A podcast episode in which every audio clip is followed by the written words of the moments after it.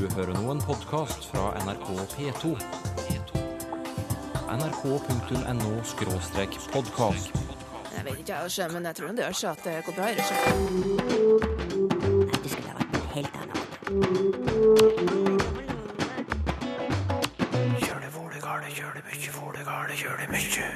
Møt Sunniva, en misjonær i språk og pupp. ja. Pupper og språk. Og serr, vil danska virkelig lære seg norsk pga. TV-serien Skam? Ja, det ser faktisk sånn ut. At Skam-serien og skuespillerne derfra er kule nok. Hei sann, så er det søndagen igjen, og Språkteigen tar følge med deg en halvtime inn i dagen. Kan kjennskap til språket og til ordenes opprinnelse berolige fortvilte mødre? Sunniva Revhaug var overbevist om det, og satte seg ned og skrev brev til Språkteigen. Hei, jeg tilhører den frivillige organisasjonen Ammehjelpen. I uke 42 markeres nordisk ammeuke, og i den anledninga leter jeg etter ammeord. Så sammen med den språkinteresserte ammehjelperen trekker vi inn i ammetåka og leter etter puppen. Sunniva er fra Kittdalen i Troms, men hjelper fortvilte mødre over hele landet. Organisasjonen Ammehjelpen hadde i fjor 23 000 henvendelser fra mødre som slet med puppen. Derfor så tror hun at det kan være nyttig å kjenne til ordene. I hvert fall for å vise og normalisere at det her er noe vi har holdt på med i, ja, siden urtiden, og at eh, det de opplever er helt normalt. Så i sin søken etter ro rundt mor ville hun utforske språket rundt puppen. Som jo egentlig er den naturligste sak i verden. Vi er jo pattedyr. Har vi glemt det litt, tror du? Jeg tror det. De, de pattene har liksom blitt litt med mindre patting og mer til pynt, kanskje. Så første spørsmål til vår mann på saken, Tor Erik Gjenstad, ble Jeg lurer på hvor ordet pupp stammer fra. Er redd jeg kan ikke gi noe godt svar på det. Eh, Det er ikke noen som har gjort det, så vidt jeg kan se, så en må rett og slett si at det er uvisst opphav. Men det er jo høyst sannsynlig at det skriver seg fra barnespråk, da. Kjært barn, eller i dette tilfellet en pupp som kanskje er mer til besvær. Men likevel, kjært barn har mange navn, har Sunniva merka seg. Dyer, dæt, deit, deta og deite. Kommer de fra odie eller fra noe annet? Det her med dyer, det er vel eh, sørvestnorsk man sier. Og igjen, det òg har eh, uvisst opphav. Eh, Men det er kanskje sammenheng med det her ordet deie, eh, som betyr tjenestejente, og som vi har i f.eks. budeie, da. Og så det der med dæt, eh, det er jo kjent i trøndersk. Og det er nok barnespråk for geit. Og akkurat hvorfor det het geit, det er jeg ikke så helt sikker på. Så hjemme hos oss så gikk det i bibbin. Da skulle det bli bibbin. Og jeg vet det er sikkert masse mødre der ute som har, har barna som har laga egne ord for å få pupp.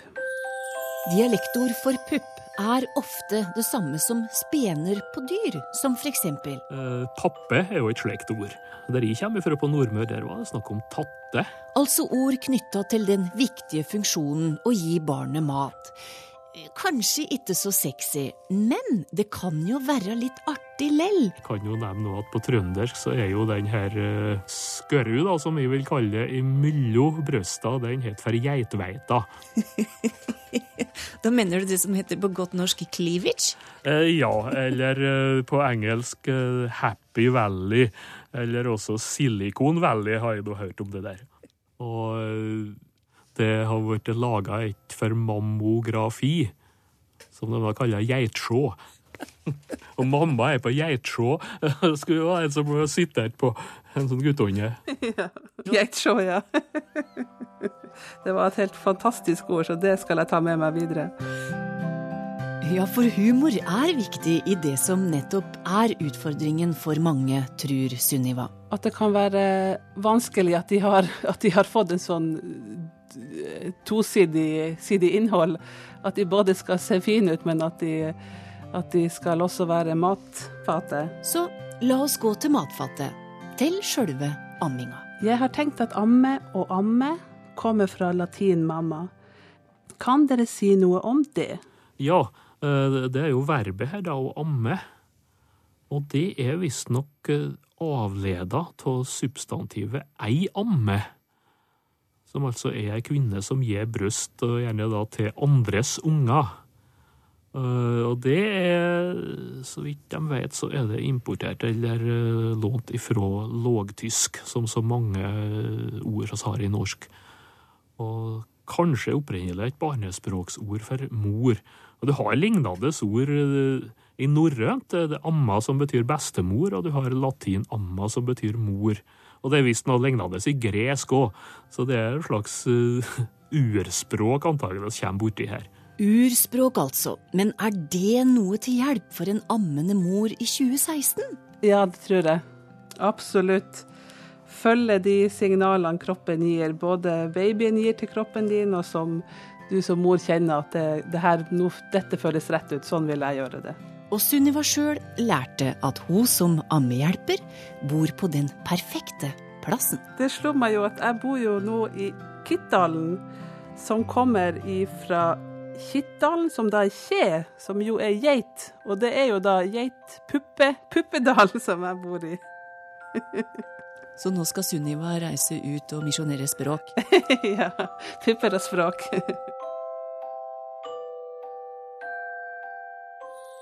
Og den nærmeste misjonsmarka for Sunniva Revhaug er altså nordisk ammeuke i uke 42. I Språkteigen forrige uke hadde jeg besøk av Nominos Gøril Grov Sørdal. Hun satt igjen med ett stedsnavn som hun ikke hadde klart å løse mysteriet bak da serien var slutt. Og det er ei strand i Risør som heter Der bikkja beit mann. Som forteller at det her har antakelig ei bikkje bitt en mann en gang. Men hvorfor beit han mannen? Hvem var mannen? Det er så masse sånne spørsmål. Når skjedde det? Hvem fant på navnet? Og hvordan har det kommet seg på kartet?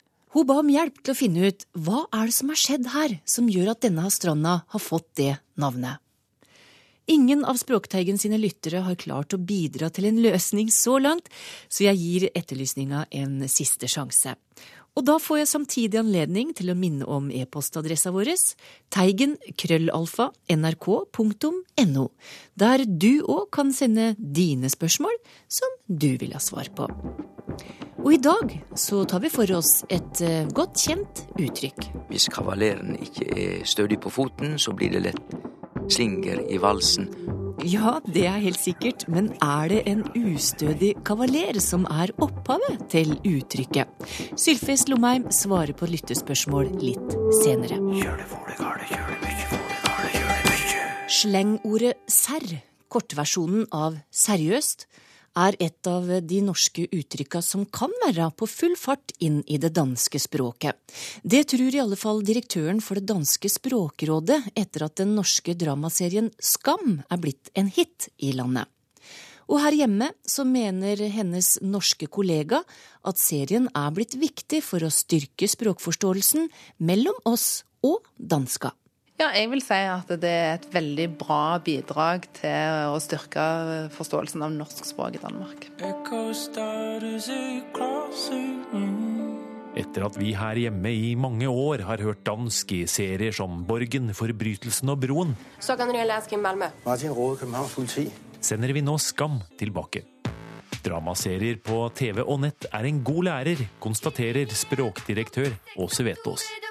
Det treffer så mange, og det er noe vi søker til helt av eh, frie vilje. Altså det er ikke noe vi blir dytta på i en eller annen eh, pensumsammenheng.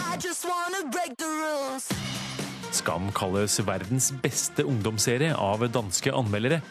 På det meste har 70 000 dansker klikket seg inn på de norske nettsidene ukentlig for å se den. Det er jo viktig for det skandinaviske språkfellesskapet at vi kan fortsette å forstå hverandre i framtida òg. Og det at eh, det kommer nye kulturuttrykk som òg tar med seg det nye språket og ungdomsspråket inn i det nordiske språkfellesskapet, det gjør jo at vi styrker de forbindelsene våre. Kødder du med meg? Jeg er sur, for du oppfører deg helt dust. Men mange av de norske uttrykkene i Skam er ikke alltid like enkle å forstå. Kan vi hos deg? Serr. Hverdagsproblemet er nå blitt såpass stort at den danske utgaven av motemagasinet Cosmopolitan tidligere denne uka publiserte en egen skamordbok som raskt fant veien til både nettaviser og sosiale medier her hjemme. Du går i første klasse. Du skal hooke rundt. Men ikke ligge rundt, da. For det er forskjellen, ikke sant? Her forklares altså danske teenagers disse vanskelige ordene. Russ, dust, drittsekk, serr, ligge med, spy, kline, hooke og dorull. Det er blitt verre og verre med språkforståelsen gjennom årene.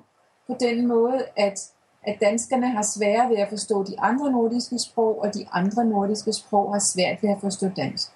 Mener den danske språkrådsdirektøren Sabine Kirchmeier. Det er lytteforståelsen der er det store problem. Øh, Så der er det en riktig god trening for de unge at de kan høre noe klingende norsk. Der. ja, se her. Drittsekk og serr. Det er jo en eh, klassiker i det norske ungdomsspråket, men det bruker de altså ikke i Danmark. Sier Åse Vetås når hun leser seg gjennom Cosmopolitans skamordliste. Men det tror hennes danske kollega at de nå fort kan komme til å begynne med. Ja, det kan man bestemt ikke utelukke. Et uttrykk som sær øh, for seriøs. Et uttrykk som, som rent faktisk er kortere øh, enn det danske uttrykk, og sånn betyr det samme. Det tror jeg da kunne ha en god sjanse. Likevel, det er ett ord du særlig må passe deg for å bruke neste gang du legger ferien til Danmark. Hvor stor forvirring ville jeg skapt i en dansk butikk hvis jeg kom inn og ba om en dorull? At jeg tror folk vil tro du vil ha noe å spise. Det sa den danske språkråddirektøren Sabine Kirchmeier til reporter Gjermund Jappé.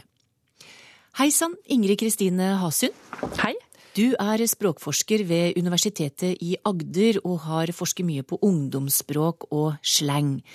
Og serr, kan virkelig en norsk TV-serie påvirke hvordan danske ungdommer prater? Ja, det ser faktisk sånn ut. Eh, Hvis du leser den eh, artikkelen i danske Cosmopolitan som tar for seg eh, hvor utrolig populært skam har blitt i Danmark, så kan det faktisk se sånn ut. De sier om ordet serr, så skriver de 'den norske lille lekre forkortelsen for seriøst', som skamkarakterene bruker i annenhver setning. Hvorfor har vi for øvrig aldri brukt den? Altså de danske. Så de syns det er en kjempesmart, et kjempeflott slangord som de godt kunne tenke seg å bruke. Eh, Og så har de da laget en ordliste fordi denne serien ikke er teksta i Danmark. Ikke sant? Det er jo en nettbasert serie, så de Mm. ser den på datamaskinen eller mobilene sine. Så da er det ikke teksta, så da er de nødt til å høre på norsken og lære seg det derfra. Da er dette blitt en stor sak i media. Eh, Ungdommene må lære seg litt norsk for å skjønne det de ser. Eh, Men hva skal til for at dette her kan bli plukka opp og bli en del av det danske ungdomsspråket, da? Det viktigste er at eh, de som serverer de norske ordene til dansk, er at de er kule nok, og at de kan fungere som eh, språklige forbilder og rollemodeller. Og så må det være eh, nok ungdommer i Danmark som syns det, og som dermed begynner å bruke disse ordene og velger å bruke det i sitt eget språk fordi de selv syns det er kult eller morsomt. Og så må de som plukker det opp, være trendsettere nok til å kunne spre det i, sine, eh, i sin omgangskrets, der hvor de er. Så det er, del, det er flere mekanismer som skal til. Men det kan jo se ut til at eh, Skam-serien og skuespillerne derfra er kule nok foreløpig, da. Altså bare det at de lager denne saken i Cosmopolitan, og dette har fått så stor oppmerksomhet i danske medier, er jo ett tegn på at eh, ja, vi har lykkes med det. Eller det er en god start, i hvert fall. For vi har jo også sett en annen TV-serie, nemlig Nobel på NRK, der den danske E-tjenesteløytnanten Adela Hanefi er tydelig på at norsk, det syns hun ikke noe om. Bare hør her. Du snakker seks språk og flytende geit, men norsk har du ikke lært deg. da. Du har ikke bodd i Norge sånn halve livet ditt? men jeg gidder ikke. Jeg gidder simpelthen ikke. du gidder ikke å lære deg språket i det landet du bor i fordi Fordi norsk høres åndssvakt ut. Det høres åndssvakt ut, sier hun. Og det er jo det, altså, Nå er jo jeg midt i 40-årene, men jeg har jo vært på mange turer i Sverige og Danmark, og det virker som en eh, vanlig holdning eh, blant danske og svenske ungdommer til norsk språk er at vi høres litt ut som litt sånn Ivo Caprino-dukker. Hutti-dutti-dutti har jeg fått beskrevet som typisk Altså hvordan norsk høres ut i danske og svenske ører. Hutti-dutti-dutti. Jeg, jeg nikka gjenkjennende, for å si det sånn, når hun beskrev norsk som litt, som litt rart. Men hvordan kommer slang inn i språket vårt, eksempel? Eh, vi får veldig mange slangord fra eh, andre språk, først og fremst engelsk. Og det er jo interessant i forhold til den ordlista fra Cosmopolitan, at det er ikke de engelske ordene som danskene trenger oversettelse på. Nei. Nei. Det er det ikke, for der har vi jo veldig mye, mye av de samme. De, de, nevner ordet fuckboy, som er jo to, sammensatt av to engelske eh, låneord. Fuck og boy. Mm. Eh, og der kommenterer de det med måten det er stavet på. At danskene ofte vil stave engelske ord på engelsk, altså med engelsk stavemåte. I, i tilfelle fuck så vil de stave fuck. Mm. Men så kommenterer de at nordmenn er mestere i å gjøre alle ord til sine egne. Så hvorfor ikke endre fuck, fuck, til fuck, føkk? Hvilke andre veier tar slangen inn i språket vårt? Det Mesteparten av slang oppstår nok ved at man bruker gamle hjemlige ord, altså i vårt tilfelle gamle norske ord, på nye måter. Enten med ny betydning eller med ny form. Eh, eksempel det å, å rulle om buss. Mm. At, altså om russebussen. At man ruller. Det er også sånn de må oversette her i, i Cosmopolitan. Hva betyr det å rulle? Eh, det er jo et gammelt norsk ord, men det er altså Man bruker det med en ny betydning eller i nye sammenhenger. Og så har du serr, som er eh, eksempel på den andre måten man bruker gamle norske ord. Det er gamle norske ord med ny form. For serr kommer fra seriøst, mm. og så er det en forkortelse. Og det er jo Eh, en måte å lage slangord på som man bruker i veldig mange språk. Så det er jo derfor danskene kommenterer i denne ordlista si at hvorfor har for øvrig vi aldri tenkt på det? Så den tror jeg nok er lett for de å, å plukke opp. Men av en eller annen grunn så har de ikke tenkt på akkurat den. Nei. Det er gøy å lese det. Eh, her får du et innblikk i det norske språk, som Skam plutselig har transformert til årets seigeste. Sei på dansk er jo kult. Så hvis det er årets seigeste, så er det årets kuleste. Det er jo litt artig å lese. Jeg tror ikke jeg har lest det før, at norsk er eh, årets kuleste språk i Danmark. Så det er jo artig. Kult med norsk i det hele tatt, vil jeg si egentlig. Takk skal du ha, språkforsker Ingrid Kristine Hasund. Øverst i bunken med lytterspørsmål i dag så ligger det et brev fra ei jente på fem år som heter Astrid. Bare fem år altså, men har allerede begynt å forundre seg over språket vårt. Og det er pappa Magnus Torvik som har fått jobben med å skrive til oss. Og Sylfest Lomheim får jobben med å svare. Og Sylfest, Astrid spør hvorfor heter det prikk lik, og det ikke har noe med en prikk å gjøre? Og da må jeg si, Magnus, og til deg, Astrid, at jeg har undersøkt, og dette med å være prikk lik har jeg ikke sett forklart i mine bøker iallfall, som inneheld faste norske uttrykk. Men det er jo ikke tvil om at det burde ha stått, fordi at det er jo et uttrykk som alle har hørt, at noe er prikk lik noe annet. Mm. Så det betyr at da må han Sylfest begynne å tenke litt sjøl. Mm. Og ein prikk er jo et lite punkt. Et bitte lite punkt, rett og slett. Og det kjem fra et verb å prikke, som etter gammelt også betyr å stikke, altså et Og da blir det et lite punkt hvis du stikker, lager et like hull, så prikker du og stikker. Men det hjelper ikke å forklare uttrykket at det er prikk likt, men da tenker jeg slik at hvis noe er likt på alle punkt, da er det veldig likt, fordi at disse punkta er jo så små at da er det likt heilt i de minste detaljene. Hmm. Vi er en gjeng som diskuterer opphavet til uttrykket slinger i valsen. Har det med dansen vals å gjøre? Eller har det med ei valse å gjøre? Eller kanskje noe helt annet, spør Kaja Andresen. Og da svarer vi Kaja Andresen at eh, det er iallfall ikke noe helt anna. Men det er vel slik at det er slinger i valsen, og da er det dansen vi tenker på, fordi at eh, hvis kavaleren ikke er stødig på foten, så blir det lett slingring. Og det er jo et veldig fint uttrykk vi har det på norsk, det faste uttrykket. det er liksom ikke noe bestemt føring, og da blir det Men det som er det artige, er at dansen vals og eh, en valse, altså som går rundt, det er samme ord. Fordi at både dansen og eh, dette instrumentet som, eh, som ruller, dreier rundt, altså en, en valse, det kjem fra rett og slett et tysk ord, valsen, Mm. som tyder noe som ruller, som dreier seg, som går rundt. Så slik er det. Hmm. Vi skal videre vi, til et eh, litt artig uttrykk. Det var nå også en pappenheimer. Det sa ofte Per Øyvind Mohus sin far da han skulle beskrive noe litt foraktelig. Men hva betyr egentlig pappenheimer, og hvor kommer det fra? Det kommer fra tysk, det hører vi jo på eh, Pappenheimer, at her må det være ein Pappenheim. Og det er det. Hvor foraktelig dette er, det skal jeg ikke si eh, noe selv om. Men det er iallfall et uttrykk eh, at han kjente sine pappenheimere. Og det kan jo være kanskje både positivt og negativt. Kanskje av og til negativt. Det skriver seg fra et teaterstykke, dette her, av en tysk eh, forfatter som heter Friedrich von Schiller, som levde på 1700-tallet. Og han skrev et teaterstykke som heter Wallenstein, og der er det ein general som sier noe slikt som at eh, Daran eh, erkenne ich meine Pappenheimer.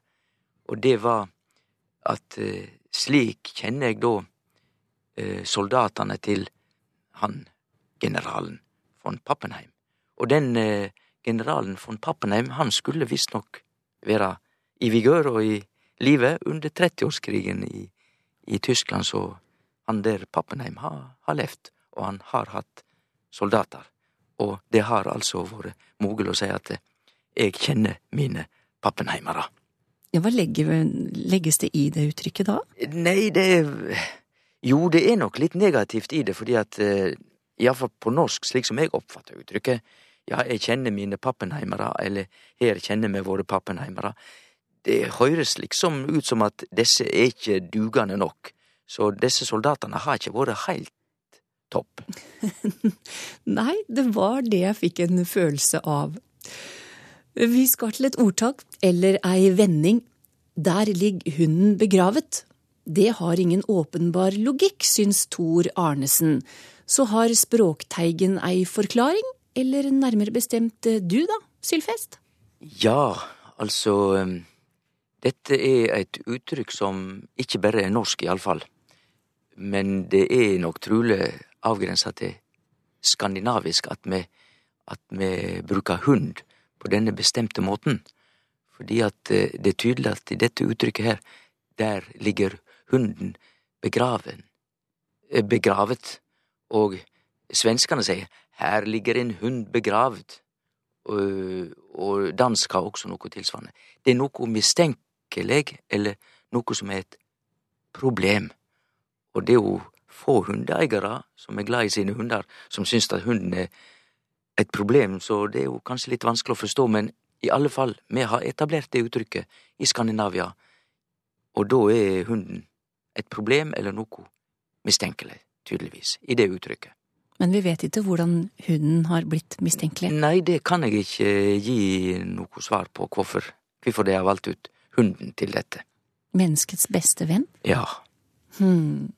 Fra hund til eh, insekt og Iver Poppe, som spør om det er en sammenheng mellom ei hannbie og den fjernstyrte farkosten drone? Og der må vi gi Ivar Poppe rett, fordi jeg undersøkte litt, jeg visste det ikke, men hva ø, ordet for hannbie kommer av, altså ei drone, og vi har det fra tysk, lågtysk, og der er det et verb, drone, som kjem fra be, ei, ei beskriving av lyd, altså å drone, vi kjenner jo drønna på norsk, som er sterk lyd, brumma svakt, altså laga lyd. Og det er difor at vi kaller hannbie drone, tydeligvis. Og da er det jo heilt opplagt sammenheng med, med denne farkosten i lufta, for den lager òg en svak lyd, og det forteller meg at eh, de som har gitt navnet til dette nye teknologiske våpenet, droner, de har opplagt teke den eh, omtalen og det ordet fra Hanbia, så sammenhengen er klar. Henrik Ødegård har merka seg noe han ofte hører på Sportsnyheten, nemlig ordet kvalik. Han tror det er en forkortelse for kvalifisering, men hvor stammer i tilfelle K-en i slutten av ordet fra, spør han. Ja, nei, det kvalifisering inneholder jo bare K-en til å begynne med, og hvorfor bruker de da kvalik? For det er jo ikke tvil om, som Henrik Ødegaard sier, at dette er velkjent i sport og jeg har en mistanke om at det var kanskje svenskene som begynte med det først, og korta det ned. Så eh, det er jo vanlig, kvaliken. Men hvis vi tek ordet kvalifikasjon, da dukker K-en opp. Da får vi to K-er. Så at det er to K-er i kvalik, viser nok at det ordet er, er, har hatt mer som utgangspunkt kvalifikasjon enn kvalifisering. Så det er en kvalifikasjon for å kunne være, fortsette å være med videre? Ja. Ja, nettopp. Det var jo sant. Du kvalifiserer det til videre spill. Mm, ikke sant? Eh, og jeg vet ikke om det er spill det neste vi skal høre om, men vi skal fra sport til politikk. Eh, der vi ofte hører om eh, politikere som gir og tar i forhandlinger. Og er dette riktig bruk av uttrykket, lurer Christian Hernes på. Han syns det klinger bedre, eller i alle fall mer sympatisk, med å si å gi og få i forhandlinger. Hva syns du om det, Sylfest? Det er jo ingen tvil om at Kristian Hernes har rett. Det er mye mer sympatisk å gi og å få. Ingen tvil om det. Men i politikken er ikke det bare sympatiske møter som foregår. I tøffe forhandlinger så ligger det jo i ordet at da er det tøft. Og da er det i hovedsak to ting som skjer. Enten så er det med smil og litt god stemning. Den ene parten finner ut at nå gir jeg dette. Men så er det jo makta som rår. I andre faser av forhandlingene, og da tar den ene noe fra den andre. Og det er ingen diskusjon. Det er rå makt, og den andre veit at her må han gi seg. Så dermed, gi og ta er nok en røyndom i politikk og i tøffe forhandlinger. Ja, men det er ikke bare politikken det må gi. Vi må gi oss helt ved Sylfest for denne gang. Takk for følget. Vi høres. nrk.no podkast.